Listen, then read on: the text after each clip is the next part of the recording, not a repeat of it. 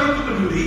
Kalau saya mengutip sedikit definisi peduli dari Kamus Besar Bahasa Indonesia, artinya adalah mengindahkan, memperhatikan, menghiraukan.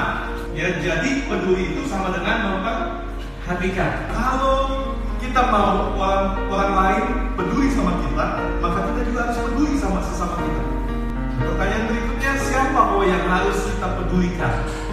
Orang-orang yang harus kita pedulikan yang pertama adalah keluarga inti kita. Yang kedua adalah tetangga kita. Yang ketiga, kita harus peduli dengan saudara seiman. Yang keempat, keluarga besar yang jauh tempat tinggalnya. Dan yang kelima, yang terakhir, semua orang, siapa saja yang kita jumpai. Kalau kita merasa bahwa dia adalah sesama kita, tunjukkanlah rasa peduli. Perbuatlah